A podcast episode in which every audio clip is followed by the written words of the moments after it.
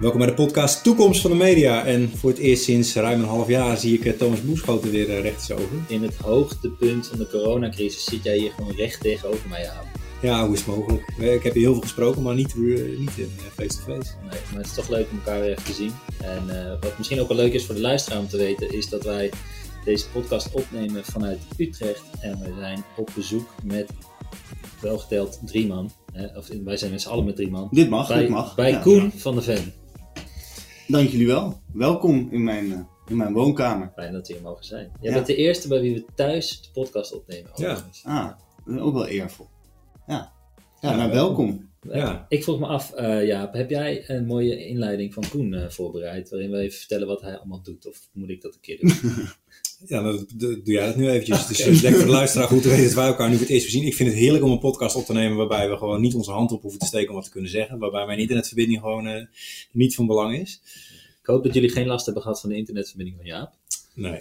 Maar ik, dus ik, ben, uh, ik heb er zin in, want uh, het is leuk om weer bij elkaar te zitten, moet ik zeggen. Oké, okay, let's go. Um, ja. Ik heb hier voor mij liggen een stapel groene Amsterdammers. En de een heeft een nog indrukwekkendere cover dan de ander. Allemaal mooi getekend.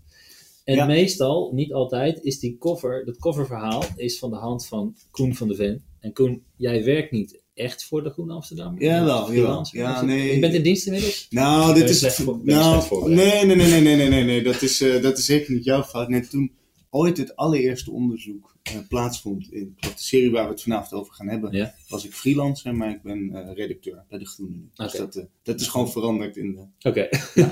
okay, dus je bent redacteur bij de Groene en jullie hebben een hele mooie serie zijn jullie aan het maken, um, waarvan jij en ik samen ooit één verhaal hebben geschreven over uh, de Nederlandse Twitter-sfeer, dus hoe mensen zich gedragen op Twitter. Ja. Ik weet niet, was het toen officieel eigenlijk al die serie? Of is dat later zo ontstaan? Nee, nee, nee. Ik denk, we zijn eigenlijk met, met terugwerkende... Dat, dat verhaal wat wij samen maakten is een jaar geleden. En met terugwerkende kracht uh, ja, loopt de serie anderhalf jaar. En, en, voor, ja. en voor iedereen die jou en jouw verhalen niet kent, wat uh, is die serie precies? Nou, die serie heet Data en Debat. En die is eigenlijk wel... Uh, nee, je zei net al, het onderzoek dat we samen deden was naar uh, de Twitter-sfeer uh, van Nederland. En op dat moment stonden uh, omvolkingstheorieën in dat stuk centraal. En keken we naar hoe die over Twitter reisden.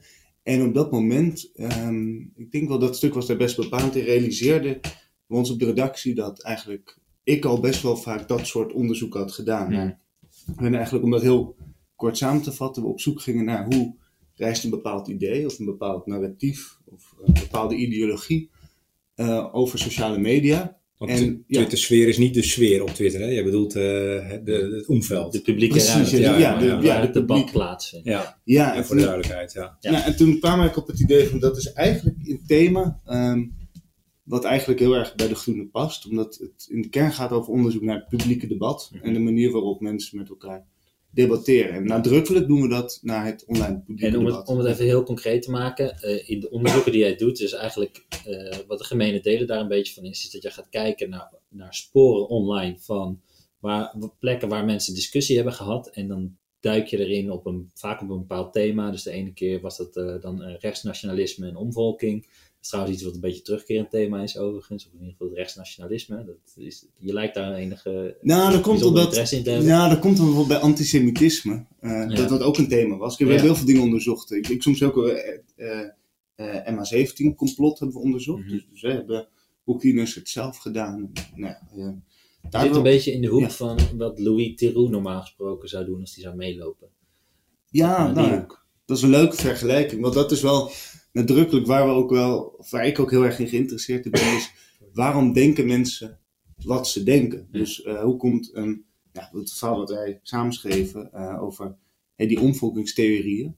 Uh, daar kwam op een gegeven moment, nou, ik ben ook gewoon heel erg benieuwd. We kwamen achter één account van een vrouw die misschien wel een van de, op dat moment, ik zeg het uit mijn hoofd, het meest geretweete account was in een bepaalde sfeer en ook veel in die discussie voorkwam. Ik denk dat we misschien ja. heel even dat verhaal dat we toen gemaakt hebben, even kort moeten samenvatten. Want ik denk ja. dat er ook een paar luisteraars zijn die denken, waar gaat dit over? Ja, dat is misschien wel goed. Even een stapje dus, terug. Ja, ik denk dat het goed is om dit verhaal, wat er nu, nu verschenen is, als aanleiding te pakken. Dat ging namelijk over uh, corona en het complotdenken rondom uh, corona. En dan komen we misschien straks nog even bij de, de Twitter-sfeer. Heb je het goed, Thomas? Ik vind het goed, ja. ja. Uh, je zegt het maar. Ja. Zal ik nou wel heel kort de samenvatting over maken, dat mensen Ja, een beetje idee wat Ja, data en ja. debat is. Dus, Ja. dus oké, het MH17-complot kwam daarin voor, antisemitisme, omvolkingstheorieën, coronacomplotten. Eh, er, komt nog, eh, er komen nog meer onderzoeken aan, daar zijn we druk mee bezig. Maar, dat is even, maar bijvoorbeeld ook wat daar ook in paste was, hoe komt het dat bijvoorbeeld, eh, nou, dan, daar heeft Thomas al een punt, hoe de rechtse blogs eh, in Nederland, hoe die steeds rechts en ideologischer zijn geworden. En wat altijd een doel is, dat vind ik ook heel belangrijk om te benadrukken, er liggen bij al die onderzoeken een paar vragen onder. Mhm. En dat is wanneer wordt iets mainstream, dus heeft het ook impact op de Ja. reële samenleving. Thomas en ik het heel vaak over, Twitter is niet de samenleving, maar wanneer bereikt het die samenleving? En wat leert ons dat over de werking van sociale media? Dus krijgen we iets van inzicht in hoe die structuren werken. Dat terzijde. En dan Nou, ik vind het we wel nu op het nieuwe Nou, stuk. ja, Ja. Dat doen we, ja, maar zoals Ja. Louis Theroux die beschouwt, hè, dus die geeft eigenlijk niet zijn eigen mening, maar da- doordat je hem Tussen de regels voel je wel een beetje... Nou ja, en dat is natuurlijk met, met data-analyse of met netwerkanalyses die jij gebruikt. Dus je gebruikt eh, data van oké, wie heeft tegen wie gesproken, hoe, hè, welke netwerken ontstaan er. Dat beschrijf je, maar dan geef je nog niet zozeer je mening. Ja, dat klopt, dat klopt. Dat is ook wel en dat is ook bewust. goed, denk ik. Ja. Nou ja, omdat dat ook, omdat ik mijn mening daarin ook niet zo heel erg interessant vind. Ik ben wel heel erg geïnteresseerd in wat gebeurt daar. En ook, Ja. in, en ook wel erg in een soort groepsdynamiek die daar ontstaat. Maar er wordt je wel altijd een mening toegediend eigenlijk door mensen. Hè? Dus mensen hebben wel vaak het idee dat jij een mening geeft. Dat komt het medium waarvoor je schrijft, denk ik. Niet altijd, maar wat je wel veel ziet is. Nou ja, wat je wel vaak ziet. Kijk, wij, wij onderzoeken vaak per definitie. kijken naar hoe obscure ideeën aan de randen van het debat. naar het centrum reizen. Ja. Of, of, of, of naar de Tweede Kamer reizen. of naar een krant. of hoe ze mainstream raken. En, en als je kijkt naar ideeën aan de marge. kom je ook wel heel snel in een sfeer. Waarin er ook heel veel wantrouwen is ten Hmm. opzichte van. Nou, bijvoorbeeld een blad als de Groene Amsterdammer. maar eh, jullie werken bij de persgroep. Nee, dat wordt ook wel, in de ogen van die mensen ben je wel. Mainstream eh, media. ja, ben je mainstream media. En Ja. da- daar loop je altijd tegenaan. Dus die mensen zijn. Is wel altijd een soort. eh, Maar je schrijft niet voor die mensen, toch? Niet per se, maar ik vind het wel belangrijk dat als zij het teruglezen.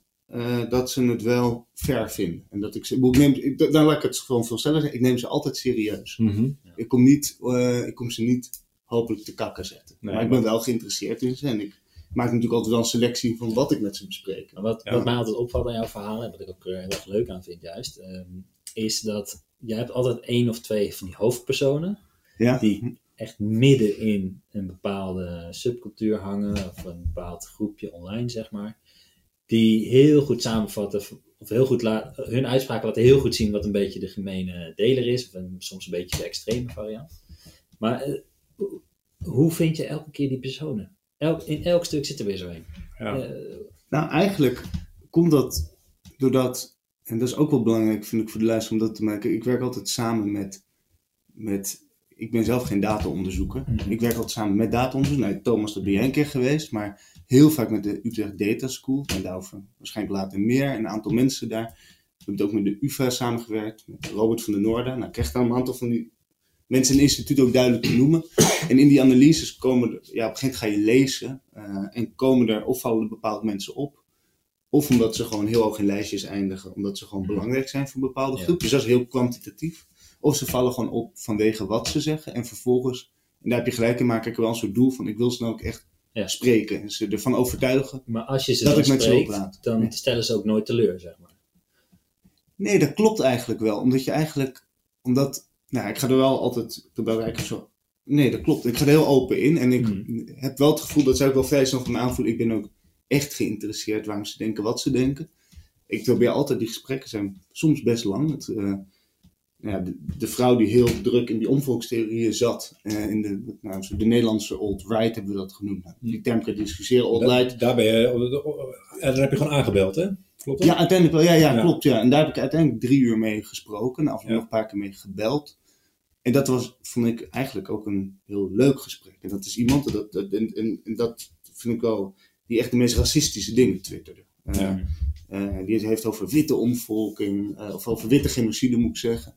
Die echt hele extreme dingen twittert. En zij werd ook weer eh, door andere twitteraars als serieus genomen. Tenminste binnen Ja. dat netwerk. Hè? Ja, ontzettend. en daarom ging je juist kijken van wat, wat drijft haar. Of, Ja, wat ik dan heel interessant vind, en dat vind ik heel mooi om dan te ontdekken, van dat je toch, en dat is ook iets omdat, ik dat, omdat me dat zelf fascineert, hoe kan iemand met, kijk, dat durf ik wel te zeggen, dat iemand die zo heel, echt hele racistische dingen twittert, ja, als ik dat lees, dat doet ook wel iets met me. Ik bedoel, ik sta er niet, het laat me niet koud. Maar dat als je iemand ontmoet, dat dan, dan toch ook gewoon een, ja, een aardige vrouw kan zijn, waarmee je zelfs het een beetje, uh, Een beetje compassie hebt. ja, een beetje compassie kan hebben. Dat je denkt, goh, oh, ze, dus, zij woont hier alleen. Zij heeft, uh, Mhm. weet je, zij heeft ook nood aan, uh, aan gewoon een netwerk, aan sociale contacten. Die vindt ze ook in zo'n sfeer. Maar Ehm, ik, ik ja. herinner me, want zij, eh, het was Mirjam 152 was dit. Klopt, ja. Ik herinner me dat jij vertelde over die ontmoeting. En dat jij ook inderdaad zo nou, respectvol vertelde over hoe die ontmoeting was geweest. En dat zij het ook interessant en leuk had gevonden. En zelfs dus m- meewerkt als je nog eens later belde. En vervolgens kwamen er alsnog, toen eenmaal het verhaal online stond, kwamen er toch eh, allemaal mensen die boos waren over hoe je haar had opgezocht. En, Ja. dat je haar, nou, en hoe je haar had neergezet en zo. Terwijl ze er zelf in eerste instantie eigenlijk helemaal geen bezwaar mee had. Dat klopt, ja. En ik moet zeggen, door die ophef die zij om zich heen zag van mensen, werd, kantel, keerde zij zich ook weer kort tegen het verhaal. Toen heb ik gewoon ook opgebeld en zeg, goh, is er toch iets misgegaan? Eh, weet je, ben ik niet... Ze heeft namelijk al haar passages mogen lezen. Hm. Dat was echt ver. En toen was dat ook meteen weer goed. En dus er zit ook iets... ehm, maar, maar dat klopt, ja. En wat, waar ik het heel erg bij had, is...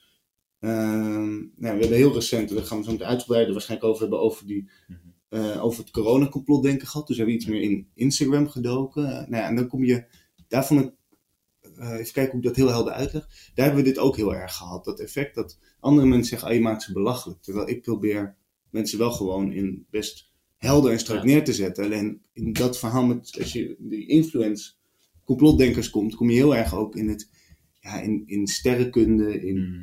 horoscopen. Kijk, als je dat in alle droogheid opschrijft, gewoon je citeert mensen van ja, we leven in de now age en we werken toe naar een kosmisch bewustzijn. Ik, ik citeer dat letterlijk. Hè. Ik bedoel, ik, ik maak daar geen grap van. Ik hou daar geen slinger om zo'n citaat. Ik, maar ik pik natuurlijk wel dat citaat uit. Dus zeg maar, hey, je maakt het belachelijk. Terwijl ja, het is ook, hoe kun je iemand die zo... Nou ja, je, hebt, het- je, je past een andere journalistiek toe dan eh, collega's van ons bijvoorbeeld. Hè? Want jij duikt echt in die data. En dat, dat, is, dat is wel echt. Want dit, iedereen kan natuurlijk iemand eh, die veel twittert opzoeken. Alleen jij zoekt ze op omdat je een analyse hebt gemaakt. Waaruit blijkt dat zij een prominent persoon zijn binnen een bepaalde kring. En bijvoorbeeld nou, bij corona heb je gekeken, oké, er is veel over corona ge- gezegd op social media. Ehm, maar hoe ons, bij wie ontstaan eh, eh, ja, bepaalde theorieën? Of, of kun, je, eens- kun je eens uitleggen hoe jouw idee ontstaat eh, ro- rond corona? Je bent terug gaan blikken, een paar Ja. maanden na het uitbreken van corona.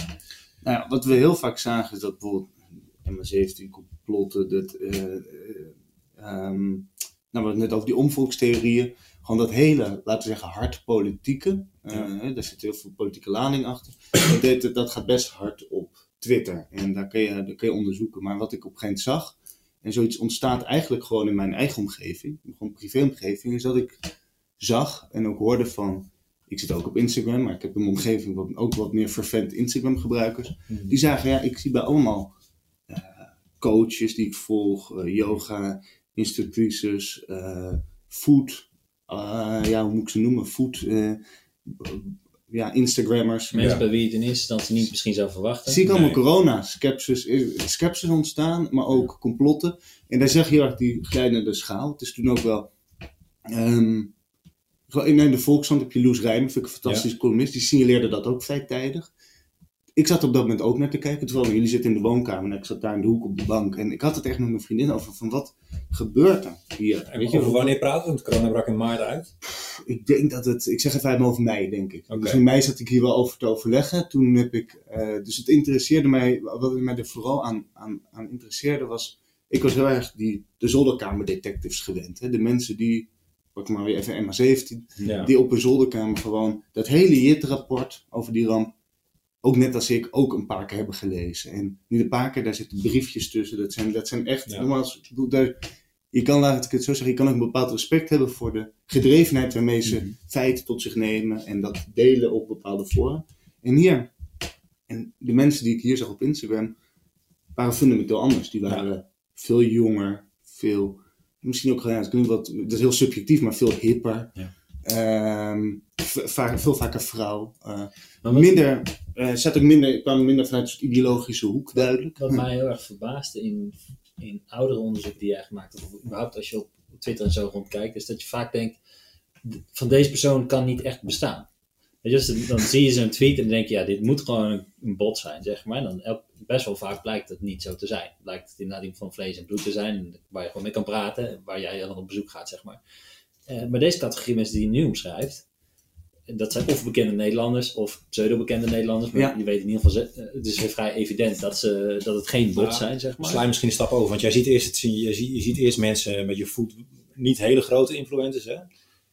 Ehm, ja, klopt. Instagram. Ja, ja, nee, klopt. Ja, dat, ja, klopt. Je hebt, je Je hebt ziet gelijk. vrouwen in een bepaalde richting en op een gegeven moment stuit je inderdaad op influencers die dat ook doen. Dat, dat laat je ook in het, in het verhaal zien. Ehm, wat ik boeiend vind is dat Twitter, wij hebben alle drie wel onderzoeken gedaan met Twitter en de, die data is vrij mak- makkelijk op te halen. Dat je het kun je ook doorzoeken op basis van Ja. tekst. Dus daarvan kun je inderdaad gewoon heel snel zeggen wie wordt het meest geretweet of gedeeld. Op Instagram is dat een heel stuk lastiger. Ja, dat is interessant. En daarvoor, en, da- en dat is, dan maak ik even dat, die Ja. vraag ook af van hoe, hoe ontstaat Ja. dat? Nou, toen, en daar, ehm, wij werken bij het Data en Debat vaak samen met de Utrecht Data School. Nou, dat is voor Thomas ook Thomas, helemaal eh, geen oprichter- onbekend terrein. Dat is een oprichter oprichter van. Ja. Heeft hem inmiddels Van de verlaten. Universiteit. Utrecht. Hè? Eh, van de Universiteit Utrecht. En nou ja, we hebben op een gegeven moment, eh, begin dit jaar, ehm, weer vergaan en ons een beetje aan elkaar gecommitteerd van we gaan dit vaker doen. We gaan Ja. vaker dit soort onderzoeken doen. En nou, we hadden coronacomplotten stond op ons lijstje en toen hebben we gewoon eh, op dat moment ontmoeten. we- Nou, eigenlijk, we hebben elkaar sowieso bijna niet fysiek ontmoet natuurlijk, vanwege alles wat we weten. We hebben corona. Mhm. Eh, ontstond gewoon wel de behoefte van we gaan het weer onderzoeken. Toen zaten we ook weer snel op Twitter te kijken. Want zoals je zegt, ja, Twitter heeft, is, ja, laat zich heel makkelijk doorzoeken. Mhm. Ja. Maar wij- ik had echt heel erg sterk de wens van ja, we moeten toch iets met, met Instagram. Nou, dat Hoe moeilijk dat ook is. ook. Ja, ja. En we moeten dat, wat ik zei, een van de doelstellingen van Data en Debat is ook echt om, eh, om laten we zeggen, de structuren, de, eh, de constructie van ons hedendaagse digitale debat, om het wat, wat, wat, Ja. wat raar te zeggen, te doorgronden en te begrijpen. Dan moet je dus ook begrijpen hoe zit zo'n platform in elkaar. Nou, toen kwamen we natuurlijk, kijk, ik, ik weet ook, ik weet dus, ik ben zelf geen dataonderzoeker, maar ik weet wel dat natuurlijk, Instagram hoort bij Facebook, eh, veel minder transparant dan Mhm. Twitter als het gaat om het doorzoeken van, Zeker. van data. Dus kwamen we, en dat eh, opnieuw heel veel lof voor de Universiteit Utrecht en eh Merco Schever, met wie we daarvoor samenwerken, en eh, eh, Joris Veerbeek, die vooral heel veel analyse heeft gedaan hiervoor. En toen zijn we van, nou, nee, hoe kan het wel? En, Ja. nou, op een gegeven moment, en dat is best wel spannend, ook omdat ik dan, op dat moment ben ik ook wel afhankelijk Ja. van deze wetenschappers. Ja. Toen zijn benieuwd jullie een sneeuwbalonderzoek gaan doen eigenlijk. Ja, want dat was op een gegeven moment van, ja, wat, hoe ga je dat nou doen? En op een gegeven moment kwam Joris wel ermee van, ja, we kunnen wel, het is geen API, maar we kunnen Nee. wel, eh, of we kunnen niet één keer binnenhalen, maar we kunnen wel stap voor stap accounts binnenhalen. En toen bedacht hij, en dit, dit ging echt niet zomaar, we hebben hier vaak al vragen, en op een gegeven moment kwam hij met een hele goede oplossing. Ja, vertel. nou, die heel kort, want ook gewoon, ik weet niet hoe technisch de luisteraar het wil hebben, maar waar het heel kort op neerkomt. En wat als we gewoon, er zijn gewoon lijsten van wie zijn de 500 grootste influencers eh, in Nederland. Mhm. Die zijn gepakt. Nou, uiteindelijk werden er 470, tot 30 daarvan hadden een afgeschermd account, dus buiten beschouwing Ja, het gelaten. waren echt wel, er zijn geen bedrijven, maar gewoon 470 mensen. Ja, gewoon de grootste, ja, was Ja. de grootste influencers. Toen is er gekeken wie volgen zij allemaal. En nou, dat werd te veel, dus toen is er een restrictie toegevoegd. Alle accounts die we meenemen in de analyse moeten door minstens twee influencers gevolgd worden. Mhm. Voor wie nu nog mee is, ik ga het gewoon heel makkelijk Ja. maken. Nou ja, Het kwam tot neer, uiteindelijk werden dat eh, iets meer dan 30.000 accounts. Ja. Maar dat Ja. zijn die Ja. 30.000 en dit, accounts, zou, dit is openbare informatie, hè? dus iedereen zou het kunnen doen. Ja, ja, ja, ja, wel als je met zulke kundige eh, sociale Ja. wetenschappers samenwerkt, dan je kan je kijkt- dat. Ja. Je kijkt, wie, Ja. dat is best wel slim natuurlijk, je kijkt wie de influencers zijn en je kijkt wie volgen zij. Hè? En als je daar dus twee keer in voorkomt, nou, dan sta je op de lijst en dan kun je natuurlijk al gauw Precies, een toplijst maken. En dat is dus voor iedere leek zou dat kunnen. Of tenminste, ik zou dat ook binnen kunnen halen. Te Nou. zien wie volgt, eh nou noem er eens één in Nederland. Nick, zeker. Nicky Tutorials. ja. Ja, je kan zien wie Nicky Tutorials volgt en dan, eh, ja. Nou, misschien wel, ik moet zeggen, en dat is ook, daar ben ik ook altijd heel eerlijk in. Ik kijk heel geïnteresseerd, dat weet Thomas, ook, ik ben ongelooflijk geïnteresseerd in hoe het werkt. En ik kijk heel graag naar de Ja, software Ja. Maar ik heb hem zelf wel eens op mijn MacBookje geprobeerd te draaien. Toen liep de ja, zaak ja, hopeloos vast. Ik snap er inderdaad verder geen reet van, maar eh, Nee, maar Nee, zo nee, maken. dat is echt wel eerlijk om te zeggen. Ik snap, ik bedoel, dus ik maak die netwerken niet zelf. Nee. dan, Ja. dan wel complimenten voor jou, Koen. Want je hebt net eh, die sneeuwbal-sampling, waar we het over hadden, heb je echt perfect uitgelegd. Ja. Maar dat is ook ook belangrijk. Ik wil het zelf ook kunnen Ja. uitleggen. Dat, Ja. ik bedoel, weet je, Ja. Nou, ik herinner me nog wel toen wij dat eerste verhaal ma uh, maakten, dat ik jou echt wel duizend keer heb moeten corrigeren. Maar dat was, helemaal, Mm. dat was heel fijn, omdat jij heel graag gecorrigeerd wilde worden. En je wil gewoon, je gewoon doorgronden hoe dit werkt. Mhm. Zeker, ehm, ja, eh, ik, ik ben wel benieuwd, zeg maar, of jij op een gegeven moment zelf ook een beetje een nerd wordt. ja, dat, die, die gedachte zit wel vaak in mijn achterhoofd. Moet ik nu op een gegeven moment toch echt weer iets meer leren. Ik heb op een gegeven moment ja, hier ook wel wat van die software geïnstalleerd. En ging toen kwam ik er dus wel achter dat ik een, computer, een iets andere computer nodig ga hebben dan mijn MacBook Pro. Die toch wel, ja, er zit toch Pro in de naam, weet je wel. Nee, maar, nee, maar ik ga me helemaal niet dommer voor doen dan ik ben. Maar ik bedoel, daar zit wel een interesse natuurlijk. En- Ja. maar ik moet ook wel zeggen, en dat is iets. ehm, er zit ook wel. ehm, ik, ja, natuurlijk zou ik het wel willen, maar ik vind er zit ook wel een groot voordeel in samenwerken met deze mensen. En dat geldt er ook in dat. Ehm, nou, je hebt het ook over methodologie. Waarvan je echt op met, ik wil die zelf ook snappen. Ik wil die. eh, ik, ik, ik wil in ieder geval, laat ik zeggen, op, op dat abstractieniveau echt wel kunnen begrijpen hoe komen wij tot wat we kijken. Ook omdat ik dat, dat is ook een verantwoordelijkheid naar de lezer. De lezer moet ook begrijpen wat hij ziet Mhm. laten we heel eerlijk zijn, dat zal nooit voor de volle 100% gebeuren. Daarom doen we ook een hele grote verantwoording bij online. Ja, voor de echte liefhebber, die kan echt teruglezen. Hoe komen we tot alles? Maar ik bedoel, ja, net als dat, ja, ik laten we in ieder geval voor zorgen dat we het zelf heel goed zijn. Maar jij hebt ook een hele belangrijke rol om hetgene wat de wetenschapper zegt te, eh, te zien. Om dat te vertalen naar iets wat mensen ook interessant vinden. En dat is nog niet eens zo makkelijk. Want Mhm. wetenschappers die hebben vaak bepaalde nuances die ze heel belangrijk vinden. Waarvan jij als journalist heel goed kunt inschatten dat het niemand ene reet kan schelen. Nee. En daar is, eh, is die rol, die is ook heel belangrijk. natuurlijk. Ja, daar zit echt wel, de, ja, je slaat wel de spijker op kop. Dat weet ik, dat is vanuit hen gezien de grote winst. Ja, Zoals ik de grote winst heb, dat ik een, ineens toegang heb tot de schatkamer aan wel echt professionele analyse. En, En dus verder gaat dan een keer scrollen door mijn timeline. je. Jij begint met Ja. de vraag over wie influence de influencer eigenlijk. Dat is wat je bent gaan doen. Ja, Die dat is hebben wel- eigenlijk invloed daarop. En dat ben je gaan vragen. En je hebt hulp gevraagd van de dataschool. En daar kwam een lijst uit. Maar ik kan me ook voorstellen dat de eerste tien mensen op die lijst, dat waren waarschijnlijk eh, andere bekende Nederlanders of zo. En jij vond, eh, of ze, jullie vonden blijkbaar mensen die ook in die complotten eh, Ja, we hebben uiteindelijk geloofden. Ja, wat uiteindelijk een heel boeiend account was, dat, ja, dat heet Cosmic Woman, voor wie het wel weet. En dat is echt Mhm. een account waarvan je ziet dat heel veel... eh, nou kijk, laten we eens de explosie van Instagram, dat was toen wij echt al vol in dat onderzoek waren, was natuurlijk Duitse Cruise, hè, 7 Mhm. miljoen volgers. En jullie vielen echt met je neus in de boter. wat Ja, we zaten ja. midden in het onderzoek. Ik had zelfs zoiets van, oh god, Want voor de mensen die het Ja. niet, eh, niet meegekregen Ja. hebben, Douds is natuurlijk een grote, een van de grootste accounts van Nederland, denk Ja. ik. ja, Echt, 7 eh, miljoen volgers. model, wereldwijd volgers en zo. Eh, en jij kwam erachter dat zij accounts volgde.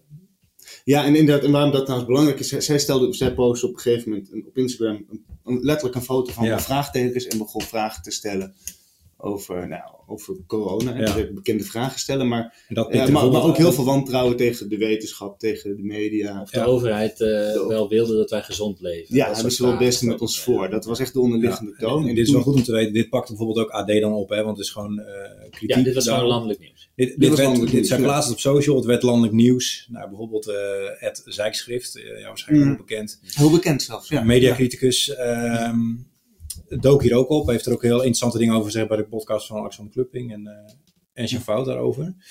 Maar goed, ehm, dat even ter duiding. Dat het door, door de nieuwsmedia ook groter werd gemaakt. Dus dat was heel... eh, jij bent erin gaan duiken, hoe komt ze eigenlijk aan die theorie? En dat blijkt dan ook gewoon terug te, te herleiden Ja. Kijk, naar dat account. je Precies, je kan nooit, kijk, je zou nooit één op één kunnen zeggen. Ja, denk dit, want hij stond vorige week met, eh, met Thomas in de kroeg. We kunnen het nooit zo, Mhm. maar wat we wel kunnen doen, is teruggaan naar ehm, gewoon kijken van wie volgen ze allemaal. En dan kom je wel uit bij accounts die echt al in maart eh, meteen als eerst, en dat zat ook in een best een grappig hoekje op Instagram, het, ja, een soort spirituele hoek van coaching, van wat ik net zei. En daar had ik wel wat contact met, met een aantal mensen. Daar omdat ik eigenlijk vanaf Maar dit ja, mei was ik al met hen. Ja, eh, ik was in een DM geslijt, zoals het zo netjes heet. Nee, maar eh, gewoon gezegd, goh, wat deel je? En dat, daar was wel een gesprek ontstaan met mij en die mensen van, goh, eh, kom je daarbij? En ja, ze hadden ook wel vragen aan mij. Eh, Ik ben dan van de oude media en weet ik wat. En op een gegeven moment, toen we ver waren met die analyses, en ook wisten dat we die gingen maken, ben ik wel gezegd, goh, kunnen we een keer afspreken en hierover verder praten? Ja, Niet iedereen wilde. En eh, één iemand wilde wel. Dat vond, heb ik, dan, daar heb ik dan ook wel veel bewondering voor. Die zegt, nou dan ga ik daar ook wel mee praten. ja. En zoals je zegt, en je komt wel uit bij. En toen kom je ook bij het clubje, wat dus al heel vroeg. Dat vond ik ook zo leuk, dat vertelde ze. Die hadden ook allemaal contact met elkaar in het begin. Waar mm van, ja, wie spreekt zich uit, wie spreekt zich uit. En uiteindelijk ja, ja, heb je er een, eentje gehad, nou ja, die ging heel snel. Dus de rest gevolgd, die moedigde ook elkaar aan. Ja, dat vind ik heel interessant. En dat is allemaal een soortzelfde ja, niemand is hetzelfde, maar wel een soortzelfde type. Maar wat jij eigenlijk heel mooi omschrijft in uh, jouw verhaal, is dat er, of tenminste dat is hoe ik het las, dat je eigenlijk een soort voedingsbodem nodig hebt. Dus zo'n zo'n idee, of dit soort ideeën ontstaan niet in een soort vacuüm, maar ontstaan in dat er meerdere mensen uh, langzaamaan al een bepaalde cultuur hebben. In dit geval dan rondom, niet eens rondom corona of rondom uh, die complottheorieën daar zijn. Maar wel iets waar, om, waar een soort, soort openheid ontstaat naar wat alternatieve ideeën. Zeg maar. Ja, ja.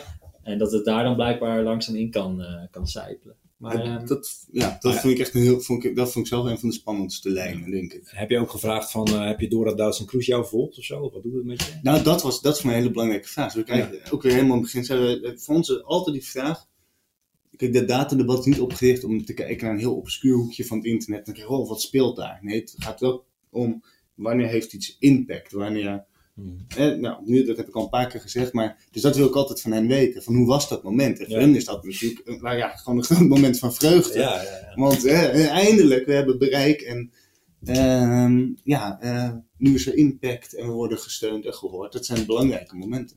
Mm Dus dat, uh, ja, en wat ik ook wel, um, ik weet niet of daar al net in ben, dat Thomas waar jij ook op hinten, die voedingsbodem vond ik ook heel interessant. Omdat ik toch dacht bij deze mensen die Mirjam waar we het in het begin over hadden, vrouw uh, die begint verdwijnt in de omvolkingstheorieën en in een zeer nationalistisch deel van het internet terechtkomt. Oké, okay, dat, daar zou je nog, hè, de, dat, die verhaallijn van haar, een beetje van haar leven zit ook in dat stuk. Dat kun je nog een beetje begrijpen. Hè? Iemand met, ja, die ja. toch vrij alleen is en weet ik wat. Maar mijn fascinatie was toch, hoe kunnen deze toch tamelijk succesvolle mensen uh, met uh, bereik, uh, weet je, gewoon leuke levens. In ieder geval ja. op Instagram ziet het er leuk uit. Ik weet ook wel dat het ja. anders kan zijn. Mm -hmm. Hoe kan het daar landen? En daar heb ik het heel veel over gehad met, met mijn collega Rosa van Gol, die ik ook echt genoemd wil hebben. Want daar mm -hmm. heb ik heel veel. Daar, dat was echt een doorlopend gesprek van ons. En daar zijn we ook echt over gaan lezen en te raden gaan weer bij. En, in boeken van wat is dat nou? En, wat ik heel, en waarom vindt het plaats in die spirituele hoek? En waarom vindt het plaats bij die coachingshoek? En nou, laat maar een poging tot een antwoord doen. Ja. En wat je dan ziet, is dat er in het. Um, in, um, even kijken hoe ik dat helder zeg. Dat er. Kijk, zij zitten al um, op een aantal. Nou, laat ik, nee, ik begin eerst hiermee. We leven in een soort tijd van hele grote onduidelijkheid. Hè? Ik bedoel, ik merk dat wij. Het eerste, jullie komen binnen, het eerste waar we het over hebben. Goh, we zitten keer bij elkaar, rare tijden. Ik bedoel, het zijn pandemische tijden. Op het moment dat ik dat zeg, heb ik zelf iets van, Koen, rustig, ja. pandemische tijden. Nee, dat is zo. We leven in een hele rare tijd. Waarin dan vervolgens uh, Mark Rutte, en ik denk dat u er gelijk in had, gewoon in alle eerlijkheid zegt, we hebben 50% van de kennis. En ik denk dat dat ongelooflijk onbevredigend is voor mensen. Dat je leeft in een crisis die alles ontwricht, die je thuis hebt zitten, met misschien wel je kinderen, die misschien wel je, je, je, je business doet stilvallen. Mhm. En dat het antwoord, en er eigenlijk geen richting is, want we weten het niet. Uh, de journalistiek, ik denk wel eens wat de journalistiek, wetenschap, politici hebben allemaal een bepaalde taak in het vullen van informatievacuum. Hè? Wetenschappers bieden feiten, journalisten, journalisten duiden of leggen uit en politici geven als goed is een soort van richting. Mm -hmm. Nu leven we in een tijd dat de journalistiek kan niet precies beschrijven. Niet precies wat er aan de hand is. De wetenschappers zijn er niet uit, want we zitten met een virus wat we allemaal niet begrijpen. En een, poli en een politicus, een leider, die terecht zegt, ja, we weten maar de helft. Nou, ik denk dat in dat soort informatievacuum wat daar ontstaat, als je dan mensen hebt die zeggen, maar ik weet wel hoe het zit. Mm -hmm. Het is gewoon Bill Gates, het is gewoon, het is dit, het is dat, die, die gewoon dat vullen met verklaring dat het heel aantrekkelijk is. We trekken ook ergens, wel een beetje me uitkijken, maar ik vond echt dat het kon hier. We trekken ergens ook als een parallel met religie. Hè? Van het, Mhm. het is zo fijn om wel een heel helder verhaal te hebben van, van goed en kwaad. Kijk, dat virus, ja, we zien het niet echt. We kunnen, dat kan je niet bevechten, maar Bill Gates misschien wel. Dus het dit heel... zijn mensen die toch niet ineens vanaf maart zo denken. Dit is waarschijnlijk vorig jaar ook al. eh, Nou, precies. En dan zie je, ja, echt heel terechte vraag. En dan zie je inderdaad dat het wel natuurlijk altijd landt in een, in, denk ik, in groepen waar dat wantrouwen sowieso was. Dus we zagen bijvoorbeeld op Twitter dat het wel heel erg al in de, bij, laten we zeggen, boos, rechts, uh, enigszins nationalistische burgersland het heel goed. We zien het nu natuurlijk ook in een flank van Vorm voor Democratielanden. Dat is op zich niet zo verrassend, vind ik meer, want daar zit al een fundamenteel wantrouwen. Maar we zagen dus ook landen in een groep van mensen die in het soort spirituele of semi-spirituele zitten, die, uh, um, die zich misschien ook al, je kan zeggen, bezighouden met hetgene wat niet direct zichtbaar is. Dat gaat over abstracties. En, en het beste voorbeeld of zo, de beste citaat, en ik heb hem laatst ook een keer gebruikt, maar ik doe het gewoon weer, die, wat ik heel inzichtelijk vond, is, um, ik, zag op, ik las op een gegeven moment iemand die zei, ja, de overheid heeft ons ook decennia lang verteld dat melk gezond was. En dat bleek ook niet waar. Dus waarom zouden ze nu gelijk hebben? Dus het zijn al mensen die zich in, een, al, in het alternatieve begeven. Ja, uh, ja. En, maar, dus het valt wel op een vruchtbare bodem. Ik denk, die goed, kijk, als, als de kritiek terecht is, zeg maar, dan, uh, dan lijkt het me heel gezond. Ik bedoel, we zijn allemaal opgegroeid met het idee dat we kritisch moeten zijn en dingen kritisch moeten Ja. volgen. Maar het lijkt wel alsof bij complottheorieën dat het zeg maar de, de net even voorbij het kritiek, eh, normale kritiek geven gaat. Een paar stapjes te ver. Dus dat het ook veronderstelt dat de overheid eh, heel erg zijn best aan het doen is om ons te vergiftigen of zo. Of iets. Ja, ja, daar zit wel, ik vind dat altijd wel terug, want wanneer, is, ja, wanneer, is iets, wanneer wordt iets ook complotdenken? Hè? Dat vind ik ook, kijk, Ja.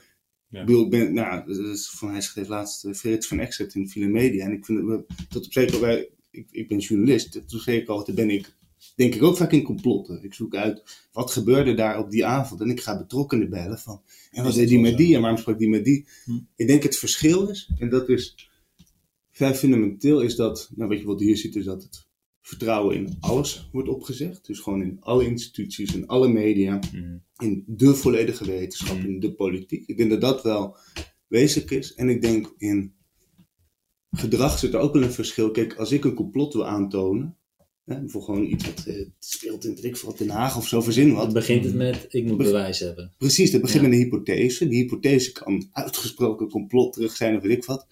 Maar ik heb ook een soort van plicht altijd van, ik moet ook het tegendeel Ja. bewijzen. Of ik moet op een gegeven moment accepteren, als ik het niet, hè, de journalistieke term, iets rondkrijg. Als ik het gewoon niet rondkrijg, dan is het misschien ook niet waar. Ja. En wat de complotdenker heeft of lijkt te hebben is, als ik iets vind wat mijn ding weerspreekt, dan moet ik gewoon harder zoeken. Of als het niet blijkt te kloppen, nou dan is het verdoezeld. Er zit altijd, hè, de waarheid staat eigenlijk wel, staat vooraf vast. Ja, En- en dat Ja, onderscheidt wel van de onderzoeksjournalist of de wetenschapper. Ja. Ja, wat dat betreft is die vergelijking met de religie natuurlijk wel gelijk. Want uiteindelijk weet je, weet je toch al wat iemand eh bij zijn standpunt blijft, zeg maar.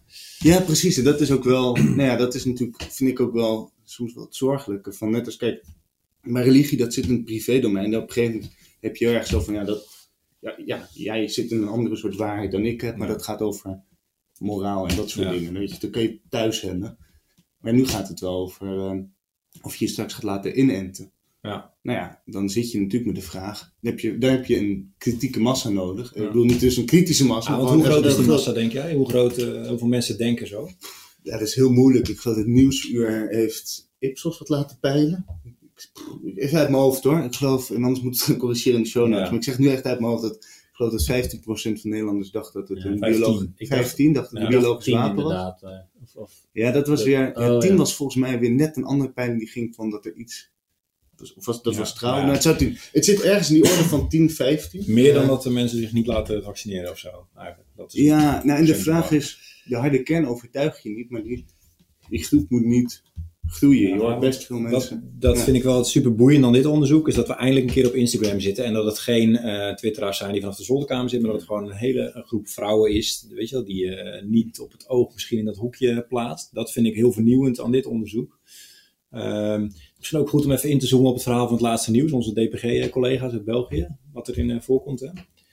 Ehm, wacht, wacht, wacht. wacht. Eh, sorry, jouw Ja, artikel in, je eh, in de Amsterdam, het ging een beetje 5G, snel. eh, verhaal heb je het over. Jij noemt die artikel, je begint eigenlijk met dat er ergens in maart, volgens mij nog voor 18 maart, Ja, Hè, het laatste nieuws. op het laatste nieuws.be, zeg maar de, de Ja. Belgische zusje Ja, van ja. het AD. Ja. Een artikel van eh, een collega, zeg maar, die had geschreven over 5G en corona. Eh, hij had zijn feiten niet goed gecheckt, zei een hij zelf. huisarts aan het woord gelaten die, die wat dubieuze uitspraken deed. Ja, Ja, die, die een bepaald verband eh, ja, die zou dat hebben verband gezegd. legde. Ja. Dat is, en we hebben dat moeten ervan navragen, maar het is in ieder geval offline gehaald. Jij hebt misschien gecheckt bij HLM waarom Mm. het was. Eh, het is in ieder geval offline gehaald, dat weet ik Ja, zeker. ja. En ook voor mij, ja, dan wordt het niet van de, dan, dan niet de lijn met de standaarden, gewoon de... Ja. Ja. En door dat offline te halen, ehm, Ja, daar geloofden mensen dat ook halen. En wij spreken het AD en de mainstream media dus mee zitten in het complot. Toch? Ja, dat is heel ingewikkeld. Van, Ja. Dat is moeilijk ook van. Eh, soms die mensen die je interviewt, die denken dat ik soms ook deel ben van het complot. Dus wat ik ook wel soms doe, en dat is iets wat je bij heel veel interviews niet doet, is dat ik op een gegeven moment ook maar gewoon moet uitleggen hoe mijn eigen werk eruit ziet. Dus ik probeer ook vaak heel transparant uit te leggen. Wat hebben we gedaan? Hoe ziet mijn onderzoek eruit? Om maar gewoon te zeggen, ik, ik ben zo transparant mogelijk met je. Eh, en ook om gewoon, en ik zeg, je mag ook gewoon aan mij vragen stellen. Hè? Dus Mhm. bijvoorbeeld, vraag, dat was niet bij dit onderzoek, maar ik wel eens heb gekregen. Ja, wie heeft bedacht dat jij dit stuk moet schrijven? Wat ik eigenlijk in alle uitstekende vraag Ja, vind. Ja, vind ik ook, ja, ja. het antwoord is ikzelf. En dat is Ja. echt, ik bepaal zelf. Maar goed, jij wordt ook beïnvloed. eh, jij leest dingen. Wie, wie ben je eigenlijk? Zeg maar, dat, dat is je achtergrond. Dat is, eigenlijk- Precies, nou, en, en hoe geloof je dit zelf? En ik zeg vaak, dat probeer, ik probeer niet ter plekke discussie te voeren, vaak, wel aan het einde. wil ik wel zeggen, nou ja, ik zit zelf, werk ik daar, kan je best een keer vertellen hoe het bij ons gaat, hoe wij tot ideeën komen. Eh, Dus ik vind, wij hebben ook een soort als media wel de plicht om Mhm. uit te blijven leggen hoe wij werken en hoe verhalen tot stand komen. En, ehm, Maar dat- ja, Dat wat ik wat interessant vind aan zo'n vraag als hoe kom je aan je verhaal. Dat, je kunt het op meerdere manieren interpreteren als een hele goede vraag.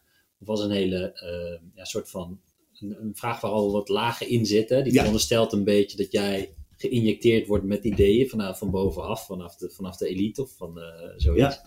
Terwijl als je daadwerkelijk op zo'n redactie rondloopt, in, in, bijvoorbeeld bij HLN, waar je gewoon weet van oké, er is een hele goede reden om iets offline te halen en er zijn gewoon mensen met elkaar aan het werken, dan, eh, dan weet je dat het, dat het nooit zo werkt, zeg maar. En dat, dat Nee. je als journalist echt Ja. bijzonder veel vrijheid hebt om je ding te Ja, je hebt die vrijheid, dus eh, je kent de achtergrond nog niet precies. Ik bedoel, eh, maar goed, dit leert in ieder geval, jij zegt het is logisch om offline te halen. Kijk, offline halen is gewoon nou dan. En eigenlijk in geen enkel, en dat leert mij dit wel. Dat heb ik vanmiddag nog op de redactie geroepen. Mm. Dit, dit, Ja. is voeding, dit is een voedingsbodem door dingen offline te Ja, halen. nee, ik snap dat dit een voedingsbodem Ja, is, ja, ja. maar ik, eh, ik, gelo- heb- ja. ik geloof niet Ja, ja, in... ja. Kijk, het probleem is dat in de verklaring uitgegaan wordt van een soort injectiehaalt die Ja. eh, eh, eh, eh, naald. En in Ja. werkelijkheid zijn het hele sociale, ingewikkelde structuren die een rol spelen. Maar dat kunnen wij wel uitleggen in deze podcast of zo. Maar goed, dat Ja. is niet... ehm, Maar het zijn ook twee dingen inderdaad. Want het is wel wat je. natuurlijk- Ja, ik denk dat je gelijk hebt. Voor mij moet je inderdaad nooit iets offline halen. Dan kun je beter. Ja, tenminste, daar ben ik ook achter. Ik ben voor dit stuk Mhm. ook gaan praten. Dat vond ik ook wel leuk met de oude media. Daar ben ik natuurlijk nu zelf deel Ja. van. Ik, Ja, werk bij een weekblad. je maar verhaal begint bij Hans Nijhuis. het Onze begint bij jullie hoofdredacteur. Overigens trouwens een hele bewuste keus. Kijk, ik werk voor de Groene Amsterdammer. We hebben 25.000 abonnees.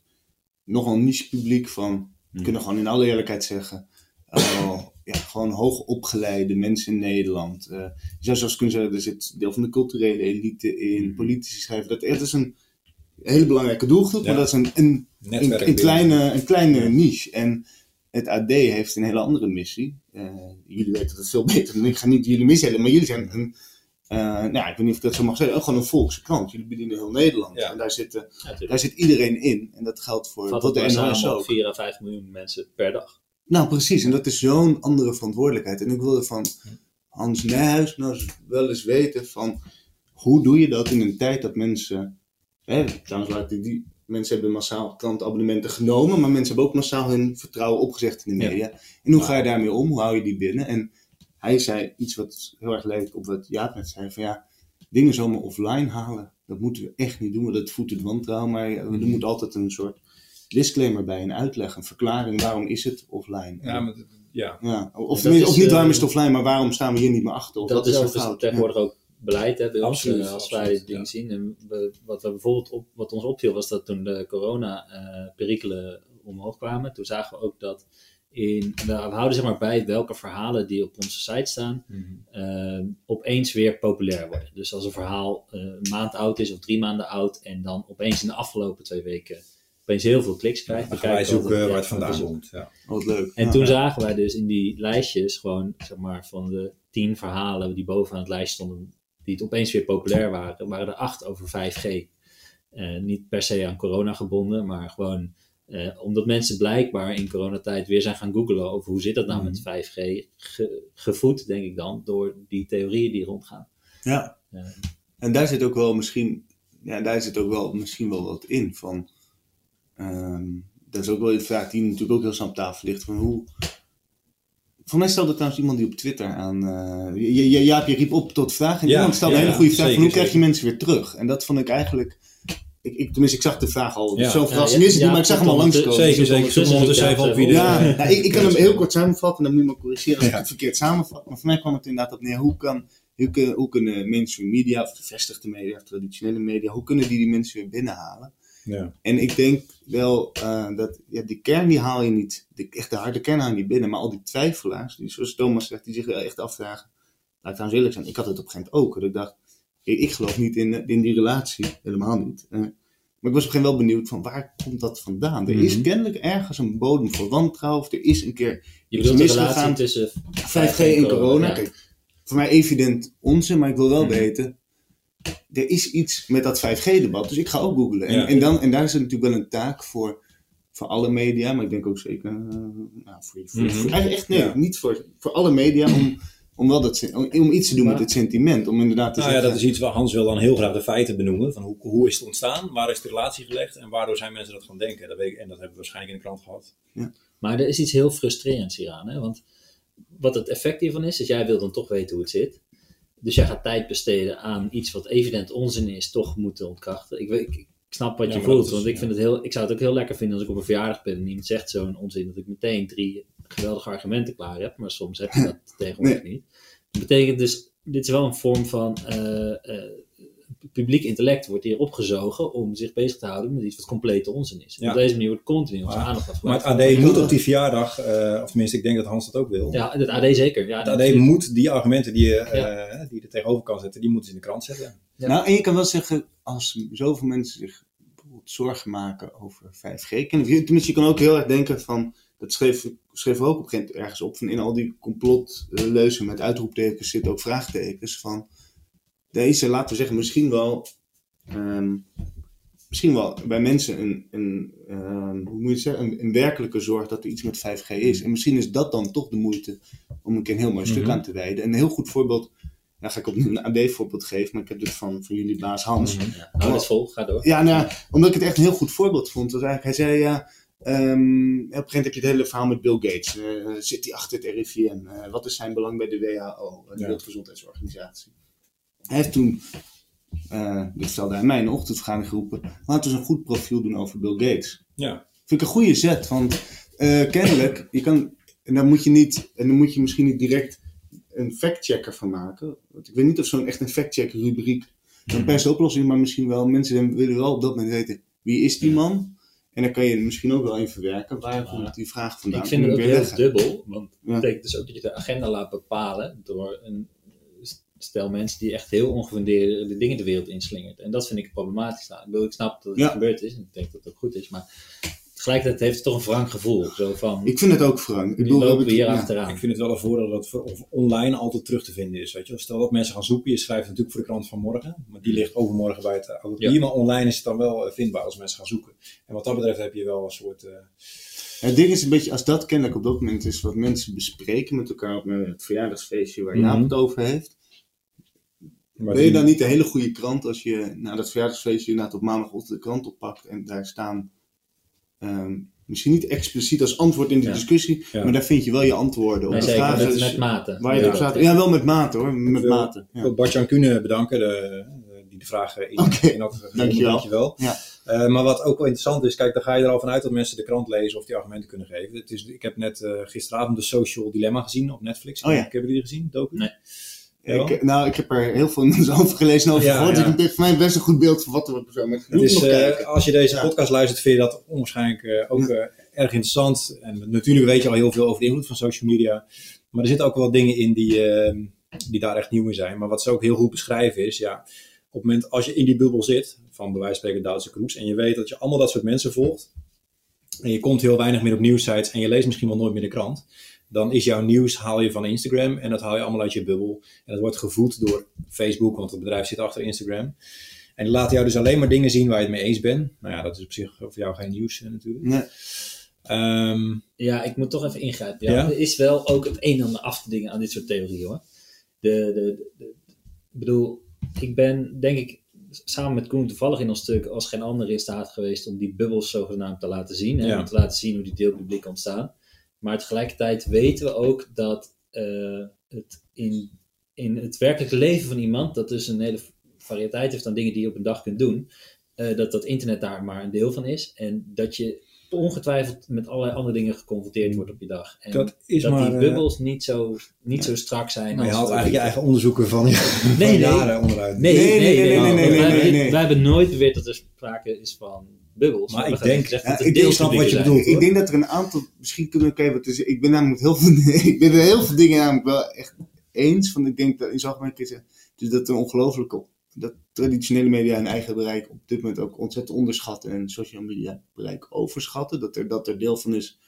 Ja. En, en misschien ook wel soms missen dat ze toch veel meer bereik soms nog hebben. Aan de andere kant, en dat is iets waar ik wel benieuwd naar ben, ook om van Thomas te horen eh, hoe jij daarnaar kijkt. Ik ben bij dit onderzoek, kom ik, ja, ik praat toch ook echt wel met heel veel mensen die inderdaad wel naast Duitse Cruise en nou ja, Google een handjevol influencers. En dan heb ik het vooral voor jonge mensen, Hm. wel nog vrij weinig, die gewoon geen krant meer Nou ja. daarnaast lezen. En eigenlijk ook geen, misschien nog wel een keer de nu.nl scrollen hoor. Misschien dat wel of door AD of. Nou, maar zelf trouwens, dat laatste denk ik eigenlijk al niet. Eh, Gewoon echt heel kort, nu.nl appje, één scroll. En, en wel heel erg, als het om corona of eten gaat, echt alleen nog maar influencers volgen. Ja. En, en dat heeft, want ik was ook heel erg ervan afgestapt. Maar ik, ik, ja, ik weet niet, ik kwam het ook wel weer tegen. Ja, het is verbaast me dat je daar zo... Want ik denk juist dat het alleen maar toeneemt. Nou ja, kijk, weet je, het punt is een beetje dat op het moment dat jij in zo'n eh, deelpubliek belandt en ja, je voedt je voornamelijk daarmee, zeg maar, dan is er al een hele hoop aan vooraf gegaan. En misschien is Duitse wel een goed voorbeeld. Eh Duitse werd uit het, ik ken haar niet heel goed, maar ik weet wel dat ze min of meer uit het niets werd zij beroemd, eh, omdat ze gewoon heel erg knap is. Maar zij kon misschien, ik, ik ken haar sociale... Dom blondje wil je eigenlijk. Nee, dat heb ik niet gezegd, ja, Nee. dat zijn jouw woorden. Niet, eh, erg seksistisch om te zeggen ook. Maar Oh. Nee, eh, nee, maar kijk, ze komt uit, misschien uit het milieu, ik weet niet hoe ouders zijn, maar misschien is, eh, is zij nooit opgevoed met hoe je kritisch naar Ja, de maar- media en eh, Ja. dingen die je online leest eh, moet kijken. En dat is vrij cruciaal, die mediawijsheid. Ja, En- Ja, alleen de mensen die zonder mediawijsheid opgroeien nemen toe, denk ik. Ja, dat is waar. En eh, dat maakt, kijk, maar meestal zien we uit onderzoek dat de deelpublieken waar men online onderdeel van uit is, of Ja. we noemen het desnoods bubbels, dat die Mhm. niet uit de lucht komen vallen, maar dat mensen vaak al een aanleiding hebben om daarin te bewegen. Ja, een bepaald wereldbeeld en bepaalde ideeën. En, eh, dus, dus als jij eh, heel erg links bent, dan ga je niet opeens online in een rechtse bubbel zitten en andersom. Mhm. Ik bedoel, dat is vrij Nee. zeldzaam. Maar het valt dus wel mee, bedoel je? maar wat ik, Nou ja, ja, dat, ik denk, durf dat wel te zeggen. Ik, Ja. zeg, kijk, ik zeg niet dat ik me geen zorgen maak over de ontwikkelingen. Alleen het, eh, het probleem is dat wij met het woord filterbubbel alle macht bij eh, het medium en de manier waarop dat ontworpen is leggen. En ik denk dat dat onterecht is. En natuurlijk speelt het een belangrijke rol die we ook moeten benoemen en kritiseren. Ja, ja. Maar je moet het altijd blijven nuanceren. Maar goed, het is, het is op dit moment zeker niet de meerderheid. Hè? Dus het gaat om, ehm, om een klein gedeelte van Nederland, maar het is wel een groeiend deel. Maar ik zat bijvoorbeeld eh, eh, bij die persconferentie van Rutte kun je ook afvragen. Hè? Dus dat, doet hij eh, vorige week maandagavond om 7 uur heeft hij een persconferentie. Hoeveel mensen krijgen dat nieuws mee? Kun je best wel afvragen. Hè? Ik denk misschien dat de persconferenties, en dat is dus het interessante, ik denk dat dat misschien juist wel weer zeldzame momenten zijn. Nou, je- trouwens, de recente persconferenties, eh, we moeten even naar de kijkcijfers Ja, kijken. ja 3,5 miljoen volgens mij. Nou ja, goed, dan kan je, oké, nou dat is een aardig voorbeeld van, nou, dat heeft dus nog kennelijk een heel groot bereik. 3,5 miljoen, die dag gaat AD 4 miljoen bereiken. Dus je kan op zich wel uitrekenen. Maar dan Ja. alsnog hou je een paar miljoen over die maar niet ja, meekrijgen. het, het klassieke idee achter de mediatheorie is dat als Mark Rutte iets zegt op televisie, en al is dat maar 3,5 miljoen, dat die 3,5 miljoen mensen allemaal op een andere manier daarop gaan reageren. Dus het is goed dat ze het gezien hebben, maar er gaan een aantal van die 3,5 miljoen, die denken juist, wat is die Mark staat Rutte weer een te oerdief? liegen, En maar- dan sta je te kijken naar een leugenaar. Maar En- toen wij in de 90s eh, opgroeiden en voor ons tv-kastje zaten, toen, kon, je tegen je, eenvoudiger, toen ja. kon je tegen je ouders roepen dat het uh, mafkees was. En in de voetbalkantine. Ja, maar denk ik waren- een- ja, sorry. Nee, maar ja, toen waren die deelpublieken, die we nu dus heel makkelijk dankzij internet Ja. kunnen laten zien, waren een stuk minder zichtbaar, omdat ze ook minder... Nemen ze, de, de, de netwerken lagen er ook niet, de kanalen niet. Dat klopt. Dus dat, klopt. Nee, is zeker waar. Ja. Ik, bedoel, ik, zeg- niet dat het Dus het niet wordt versterkt En je is. zag in de, in de, in de social dilemma, zag je, en dat vond ik ook wel heel opvallend. Eh, dat je dus, eh, als je op de middelbare school hebt gezeten na 1996, of nee, sorry, als je na 1996 geboren bent, Mhm. dan ben je opgegroeid met ehm, social media op je middelbare school. Mhm. En dat betekent dat je vanaf 2010 ongeveer op de middelbare school zat. Ook op Mhm. het moment dat Instagram opkwam. En nou, in Amerika zie je gewoon eh, één op één verband, in ieder geval in de cijfers, tussen... Verband of causaliteit? Ja, dat is altijd lastig, hè? Eh, je weet nooit of dat eh, die... die Sorry, of Nou, maak het maar af. ja, precies. Dan mag jij even eh, wetenschappelijk hier eh, Ja. onderbouwen. Maar je ziet gewoon een verband tussen, nou ja, op het moment dat Instagram groter werd, zie je het aantal, eh, nou ja, eh, meisjes van, middel, van tussen de 15 en de 19 met mentale problemen groeien. Oh ja, maar wacht even. Maar dat is een heel andere discussie. Ja, dat is Ehm, weer iets anders dan die, eh, maar ik bedoel dat, maar, is namelijk, dat is niet Ja. per se het gevolg van filterbubbels, maar van eh, Oh. hoe mensen, eh, zeg maar, of, nou ja, kijk, hoe ze zich eh, online eh, uiten en, en hoe, er, hoe, hoe ze naar anderen kijken die zich eh, mooier maken dan ze zijn, waardoor er Mhm. een soort standaard wordt neergelegd. Overigens iets wat ook eh, gewoon gezegd werd over reclame, billboards en over televisieseries en ja. over lifestyle. eh, Dat is van alle tijden. Ja, ja, ja. Ik geloof wel dat dat eh, dat ook, omdat je actiever een rol erin speelt, dat het anders is gegaan. Maar dat is niet per se een bewijs van zoiets als een filterbubbel. Nou, ja. Nee, dat klopt, daar heb je gelijk in. Maar het is, wel, eh, het is wel zo dat het echt wel de wereld veel sneller verandert natuurlijk dan in de, in de tijd dat je alleen tv had en, eh, en MSN vroeger en zo. Ja, en wat je, dat is heel, misschien, misschien bijna een sleets punt inderdaad, en dat verdwijnen, dat verdwijnen idee van, toch van die poortwachters. Ik merk dat Mhm. ik ook wel mijn eigen, mijn eigen, of ons eigen vak misschien ook wel wat beter ben gaan begrijpen. Eh, gewoon ineens overviel me laatst gewoon de gedachte van wat een, wat een, wat een, gewoon een geestig idee, dat je je gewoon abonneert op een dienst waar, ik noem maar wat, laat ik het voorbeeld van de Volkshand noemen, waar gewoon 200 mensen met elkaar in vergaderingen bepalen en gewoon Mhm. met elkaar bespreken en alles uitpluizen om een soort selectie te maken van dit is, dit is, als je dit weet, nou dan kan Ja. je weer mee. En natuurlijk, gelukkig leven we in Nederland in een land met heel veel verschillende media. Dus je kan altijd een beetje signatuur kiezen. Ik wil iets met meer sport, of juist iets met meer lifestyle, of iets met meer accent op tv, of juist kunst. Weet je, zoek het Mhm. uit, kies wat leuks.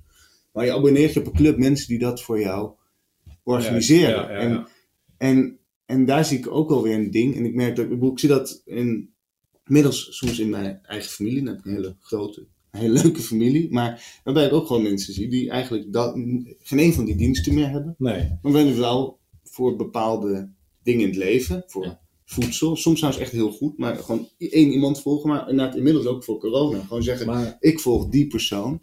wat je hier En zegt daar is, zit wel een, ja, is, is ook interessant in de zin van dat eh, wat je eigenlijk doet is je eigen mediadieet eh bepalen. Hm. En dat kan je op een hele goede manier doen of op een hele beroerde manier. En als je het op een beroerde manier doet, dan, ehm, ja, dan aan het eind van de week geloof je misschien in, eh in complottheorieën. En als je het heel erg goed doet, dan, eh, dan, dan zie je misschien wel effect in dat je prettiger, gelukkiger, beter in het leven staat en, eh, en beter op de hoogte bent van hoe het, eh hoe het Nou ja, zit. dat zit Ja, ja. in die docu bijvoorbeeld ook, hè, dat het, de, juist de positieve effecten zijn ook mega. Weet je, je, Ja. je kan een prachtig leven hebben Ja. dankzij social media. Er worden kinderen geboren door social media, weet ik veel, allemaal leuke dingen. Ja, of, ja, de vraag is natuurlijk of dat er goed dingen zijn. ja, nee, precies. Maar dus er zijn heel veel positieve effecten. Dat laat die docu ook echt eh, zien. nou ja. Ja, ik En voor heel veel mensen heeft het heel veel positieve effecten. Alleen ik geloof wel echt in die bubbel. Nou, de vraag is, en dat bedoel ik, het gaat voor mij ook echt wel om een vertrouwenskwestie. Van, van, we komen uit, eh, uit een tijd waarin mensen hun vertrouwen stelden in, in klinkt echt heel ouderwets met bepaalde merken, maar goed, noem het merken. Mm. Gewoon een groep mensen ja. die gewoon daarvoor hebben doorgeleerd, die met elkaar een methodiek hebben afgesproken. Mm. Ik kan het allemaal om hoor, wederhoor, bla bla bla. We hebben allemaal codes waarvoor we werken. En die zeggen, wij committeren ons aan deze code en we brengen jou een bepaalde set informatie eh, volgens bepaalde standaarden. En ik merk gewoon, en misschien Thomas is dat, eh, idealiseer ik heel erg de oude wereld. Laat ik eerst zijn om te zeggen dat in die oude wereld ging van alles mis en Mhm. zaten ook heel veel problemen, maar dat ik gewoon merk dat echt hoogopgeleide mensen in mijn omgeving, die ik hoog heb zitten, die hoog zijn opgeleid, gewoon daarvoor bedanken. En in plaats daarvan zeggen, nee, ik doe het wel met een vlogger die, die, de, die Ja. de ene dag een set, Ja. weet ik veel wat, eh, Ja. de- ja, geen toiletrollen, maar iets staat aan te prijzen. En de volgende dag mij adviseert over corona. En ik vind dat gewoon zo'n... Ja, ik, ja, ik, vind- ik vind dat zo'n fascinerende verschuiving, toch? Eh, Terwijl ik al dacht, nou, dat is een constatering van 20 Mhm. jaar geleden. Mhm. Maar dat ik ineens in tijdens corona zo relevant vind. Dat je leeft in een tijd van informatie cruciaal is. En mensen zeggen, ik, ja, ik zoek dat zelf wel Nou ja, het, even ge- het uit. gekke is natuurlijk dat ehm, veel mensen die iets op social plaatsen, die zijn niet per se transparant over hun beweegredenen om dat te doen, of de motieven die ze hebben en de belangen die ze erbij hebben. En ik denk dat uh, als je niet goed je gatekeepers kiest, dat je, uh, of niet goed in staat bent daartoe, dat je niet, kunt, niet doorziet wat voor belangen soms, mensen soms hebben. Dus dat ze inderdaad een wc-rol aanbevelen, omdat ze daar geld voor krijgen, en niet omdat het per se de beste wc-rol is of zo. Ja. En hetzelfde geldt met meningen en met complotten en met weet ik veel wat. Uh, jij omschrijft dat trouwens toevallig ook weer in jouw mooie verhaal in de, in de Groene, dat je uh, dat er bepaalde mensen hun businessmodel eigenlijk maken van, uh, Ja, van complotten. Ja, Heel, heel kort En- voorbeeld, Robert Jensen, bij elke, elke Precies. demonstratie heeft coronamaatregelen, zie je de t-shirts die Robert Jensen in zijn webshop verkoopt. ongelooflijk. En, Maar, en wacht, sorry, heel, heel kort, en, sorry, Ja. en dit vond ik het grappig, DJ Paul Elstak, die Ja. zich volledig verzet tegen coronamaatregelen, die verkoopt nu eh, mondkapjes ja, met ik eh, leus tegen, nou ja, ik vind Ja, dat, ja, eh, ja. ja, dat is, ja, dat is op een bepaalde manier ook Ja, geniaal. zodat hè? je met protest, eh, protesterend een mondkapje kunt dragen. Dat was het Precies, ja. Tegen mondkapjes, ja, Ja, dat is een prachtige cirkel. Maar sorry, Is het ook de- is het-. Is ook de redding van de journalistiek, complotdenken? Eh, de redding. Eh, nou ja, wat, wat bedoel je? Omdat De betaalde journalistiek, dus dat het, nou ja, het bestaansrecht eh, wordt natuurlijk wel bewezen dat als je dus wel eh, nieuws Ja, dat volgen. is een mooie vraag. Ja, nee, wat je ziet, inderdaad, dat is wel een ding. En dat is ook iets wat- waarvan ik ook belangrijk vond om dat heel nadrukkelijk in het stuk te zetten. We moeten niet doen alsof de hele wereld nu in complotdenken vervalt. Eh, maar je ziet, een soort, je ziet eerder een soort kloof ontstaan. Je ziet inderdaad mensen die massaal abonnementen namen. Bij de Groene Amsterdammershaag. Eh, Je Ja. ziet bij voor mij alle kranten. Ja. Ehm, en dus dat is een ontwikkeling. En die is heel positief. Dat mensen zeggen, ja, inderdaad, ik leef in pandemische tijden. Doe mij maar wat Ja. gecertificeerde informatie. en je ziet een aantal mensen die vluchten juist de andere kant op. En ik Ja. denk inderdaad dat het wel een soort opdracht is om toch te kijken of de mensen die daar, hè, de twijfelende kant daar, of je die niet toch gewoon weer kan verleiden van jongens, eh, ja, teken toch in ieder geval voor een systeem van mensen die, eh, Maar nou ja, Koen, we weten uit eh, onderzoek dat het een stuk makkelijker is om dingen kapot te maken via sociale media dan om iets op te bouwen. ja, dus het is, eh, eh, zeker democratische systemen en zo. We hadden het op een gegeven moment over de Arabische lente. Nou ja, alle, alle dictators waren op een gegeven moment afgezet. Dat was allemaal dankzij Twitter of dankzij Facebook Ja. zogenaamd. En vervolgens een week later was er een nieuwe dictator. En was er niks veranderd aan de sociale structuur die die, dictator in stand hield. Met als gevolg dat er eigenlijk niks veranderd was. Dus Ja. dat noemen ze dan op een gegeven moment, eh, omschreef ze dat als, ja, we kunnen heel makkelijk met sociale media iets kapot maken. Maar het is heel moeilijk om iets constructiefs, iets nieuws te gaan maken. ja, Ik hoop eigenlijk dat jouw volgende verhaal eindelijk eens een keertje niet in de krochten en de dubieuze hoekjes gaat duiken. Maar dat het gaat over het constructieve. De verbinders. De verbinders. Het wat ontstaat er aan positiefs opbouwen. online? Wat is daar aan Ja. positief bewegen? Ja, dat is interessant. En hebben we concreet, eh, komen er dan meteen dingen in Ja. gedachten? Ja, ik denk dat het een stuk lastiger is. Maar Nou, ik, ik, dat, die podcast met Wat- Zijkschrift komt bij mij wel boven. Kijk, het heeft helemaal, als mensen enigszins geloven in complottheorieën en die horen ons drieën hierover praten. Ja, ja, wij zijn al af. wij, eh, maar dit is, wij zijn geen bruggenbouwers in dit geval. En dat heb je eigenlijk wel nodig. Wat hebben wij eraan om die mensen in We een hebben hoekje... meer, meer Diederik Gommers nodig. Ja, vind ik wel. Ja. Vind ik wel. Nou, wel. ze wel? Nou ja, en, en misschien toch, ik vind toch, laten we ons wel toch de plicht opleggen om het wel te blijven uitleggen. Hoeveel mails, ik krijg zoveel mails, zeker naar aanleiding van al dit soort stukken, en ik probeer toch ze te beantwoorden. Ik herinner me van nou, het stuk vorig jaar dat eh, Thomas maakte, Ja. dat er al mensen sceptisch waren over hoe is het tot stand gekomen. Mhm. Ik ik was toen meteen op vakantie gegaan. Ik was naar Oezbekistan gevlucht. Wat Ja. fantastisch was. Geen internet, alle op heeft gemist. ik, eh, ik, Betaal- ik, ik ik, terug. al gezeik maar ik was ja. op een gegeven moment in een hotel en ik, en ik had eindelijk iets van een beetje verbinding. En toen zag ik dat Thomas tegen een aantal van die mensen had gezegd: Nou, als je echt geïnteresseerd bent, kom maar een keer kijken. Eh, Ja. Dat is wel een heel groot aanbod. Dat, dat kun je soms doen. Je kan soms ook zeggen: Nou, ik leg het hier uit. Maar er is ook Met sommige mensen bel ik. Nou ja, Er was één jongen, eh, eh, Russell Steepot, die ik zei, ja kom oh wel ja. langs. Nou, dat is ook wel een aardige jongen. En eh, een aardige jongen, Hm. zeker. En die heeft, ik denk dat ik twee uur op het kantoor van de Utrecht heb gezeten met hem. Hm. En na afloop was er niet, ja, tenminste in mijn beleving, was er niet heel veel meer over van de kritiek die hij oorspronkelijk had op Hm. onze, op onze Ja, methode. dat is zo Ja. interessant. Ik heb daar nog één, één ding wat me ook weer te binnen schiet over. Ik bedoel, de NOS is echt de, het mikpunt hè, als het gaat om kritiek op ja. traditionele media. Nou, laatst, ze hebben een hele interessante eh, ombudsman, vind ik. Dat is van de hele NPO. Maar zij, zij trouwens, kiest ervoor de term ombudsman vasthouden, ondanks dat ze ja. vrouw is. Dus Mhm. de ombudsman, eh Margot Smit, heeft zij, die vertelde laatst iets ongelooflijk interessants. Die heeft op een gegeven moment alle klachten gecategoriseerd Mhm. van waar over gaan die binnenkomen.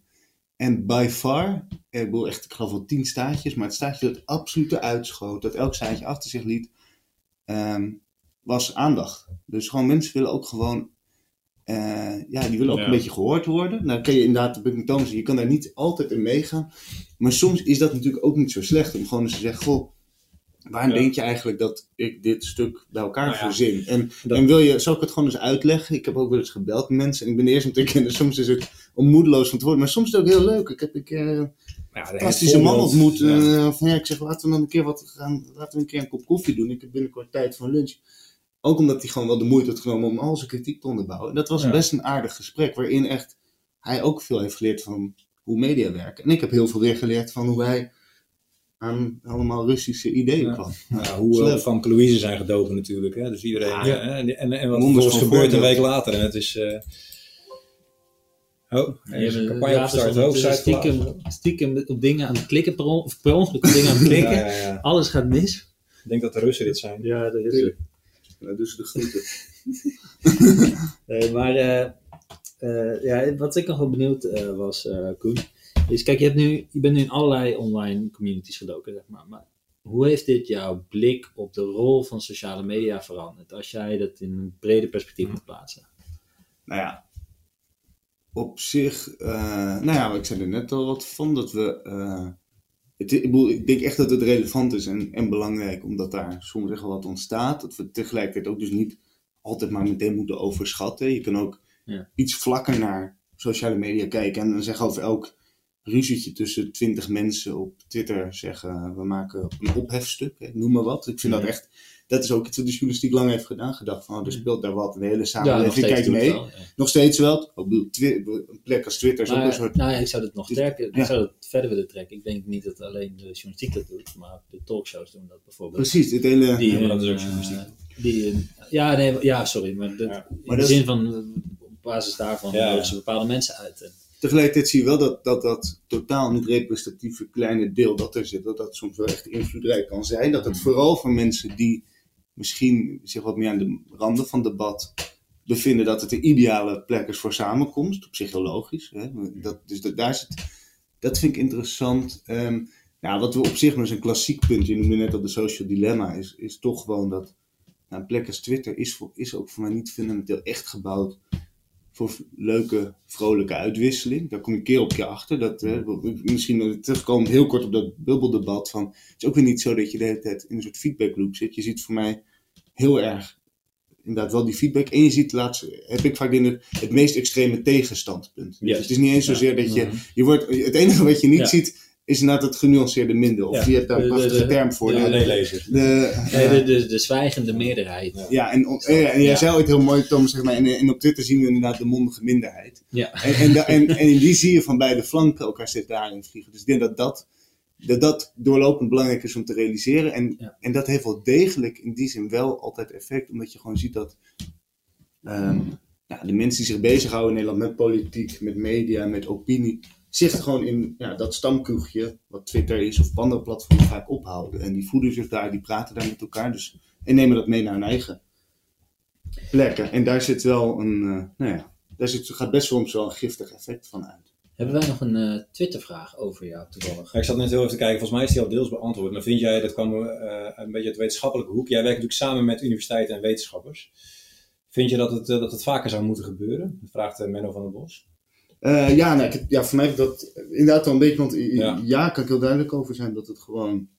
Ja, je ziet ook heel erg, dat vind ik, dat vind ik misschien eh, wel goed om toe te voegen, omdat ik zie dat het ons allebei helpt. Eh, Ja. Dus we hebben dingen dat het wetenschap onder het voet ligt. En, maar wij hebben gewoon, wij kunnen als journalisten hebben we toegang tot veel meer kennis dan we alleen zouden hebben. Eh, Tim Luimers vraagt of je dan geen tegengestelde belangen eh, hebt tussen de journalist en de wetenschap. Nou, daar was ik. Nee, eh, nou, het saaie antwoord is nee.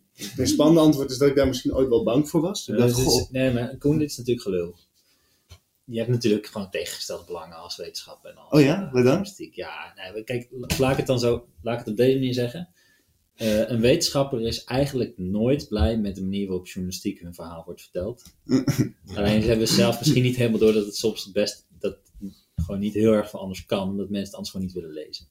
Ja. Maar dit, het blijft wel een beetje een gespannen huwelijk. Ondanks dat, ik bedoel, ik ben er heel erg voor en ik ben een beetje aan het mieren, Ja. want ik vind het fantastisch dat het gebeurt en er komen prachtige dingen uit. Maar als wetenschapper heb je nooit de nuance die je wilt. Nee, dat klopt, maar dat heb je... Nee, maar ook nooit het podium. Nee, maar de grap is, dat en is anders wel had je nooit het podium gehad. Journalistiek is natuurlijk altijd wel een soort uitruil tussen, eh, tussen inhoud en een verhaal vertellen. In de kern altijd. Ja. Nou moet ik wel zeggen, en dat is dan misschien een beetje wij van WC 1, maar daar heb ik wel echt het geluk dat ik bij een blad werk waar we wel... Ik bedoel, de meeste van die stukken hebben we verpakt 4500 woorden, soms Ja. 5000. Dat zijn Ja, wat ze in dan Amerika moet je- long reads noemen. Dan moet je bij het AD niet meer aankomen. Nee, nou ja, precies. En dat is natuurlijk voor die wetenschappers ook wel in die zin prettig van... We, nou, laat ik het zo zeggen. Waar ik heel erg bang voor was, was precies voor wat Thomas zei. Voor eindeloze discussies over Ja. hoe wij iets gingen opschrijven. Of daar niet toch even vijf paragrafen tussen mochten met nuancering. Ja. Eh, en, maar de grap is, en dat is Als wel... dat gekund, had ik het gedaan, hè? ja, nou ja, we hebben best een hele mooie oplossing. We hebben zelfs dit, eh, nou ja, na dat eerste onderzoek hebben we dit vastgelegd met die Data School, dat wij altijd het recht behouden om een eigen eindproduct te maken. Dat zij ook, eh, het- dat wij, wij maken nadrukkelijk ons stuk, zij maken nadrukkelijk, eh, mogen dat ook bijvoorbeeld weerspreken, Ja. als we het er niet mee eens zijn. Maar de praktijk is eigenlijk is veel modderiger en saai. Dus dat is eigenlijk heel vaak uitkomen. Wij, wij werken echt bij heel nauw samen. We bellen heel veel met elkaar. En zij lezen ook altijd het stuk door. En ik moet zeggen, bijna alle opmerkingen gaan dan altijd mee. En daarnaast komen we ook nog. Publiceren we de wetenschappelijke verantwoording. Oh, dus er ja, zitten, ja. dus er zitten, ja, dat is misschien te lang. Je werk goed. Ja, nee, ik snap het. Ik snap het. Nee, en als is- mensen jouw werk nou interessant vinden, welke andere mensen in Nederland vind jij ook goed op dit gebied? Of zouden we moeten in de gaten moeten houden? Oh, specifiek op dit gebied, ja, dat vind ik wel moeilijk. Omdat het denk ik, ja, en dat is echt niet wat ik van heel veel collega's goed op maar omdat Ja. dit, ik weet niet of dit heel veel wordt nagedaan. Nee. Nou Ja, wat ik zei, ja, ik, ik heb ook heel veel, ja, dan kom ik ook weer met flauw met mensen met wie ik al heb samengewerkt. Ja, ja, Dus ik kom met Robert van der Noorden. Nou, wie ik eigenlijk wel echt als duider gewoon echt ongelooflijk leuk vind. Maar dat zit echt op geen enkele manier op de onderzoeksjournalistiek. Maar echt, ja, dat zijn columns. Ja, dat, dat is inderdaad Loes Rijmer, waar ik gewoon veel grappig vind. Dat ik heel vaak aan het werk ben en eigenlijk de. Analyses ja, al gewoon perfect in een column ziet terugkomen. En dat is dan net hetgeen waar wij zo aan het graven zijn. Wat zijn, Eh, maar dat is qua thema vind ik dat een goeie. Ja. ja, wat zijn je volgende projecten? Of ben je nu al ergens mee bezig? Ja, we zijn er eigenlijk ergens mee bezig. Eh, ja, dat is wel lastig. Ja, nou, ik kan er wel van zeggen dat dat iets meer eh, verkiezingen in zicht. eh. Ik zit trouwens morgen bij de Utrecht Data School. En dan we gaan daar beslissen wat krijgt Nou, prioriteit.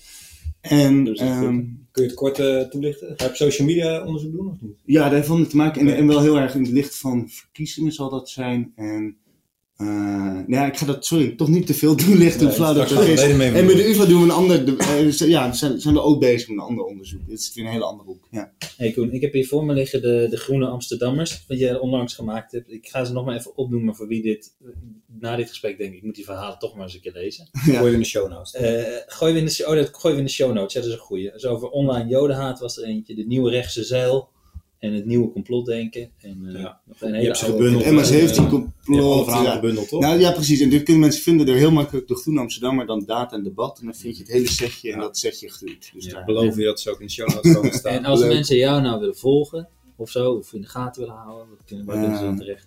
Nou, ik denk eigenlijk gewoon wel. Ja, dan toch gewoon dat, dat, dat, dat ongelooflijk vervelende Twitter. Ja. Toch wel, hè? Ja, alsjeblieft. Geen Ja. Instagram, dat vind ik eigenlijk heel vervelend. En, Ja. eh, doe maar Twitter, ja. Ja. dat is apenstaartje. Eh, Koen, VD-fan. Koen met de C. Koen met een C, dat is wel belangrijk. Ja. VD-fan. ook dit in de show notes. Ik vond het een, eh, een heel leuk gesprek. Ik vond de aanleiding van het, van het onderzoek heel, heel interessant. En ik vind het eh, boeiend om terug te horen. Ik ben heel benieuwd wat je de komende jaren gaat doen op dit gebied.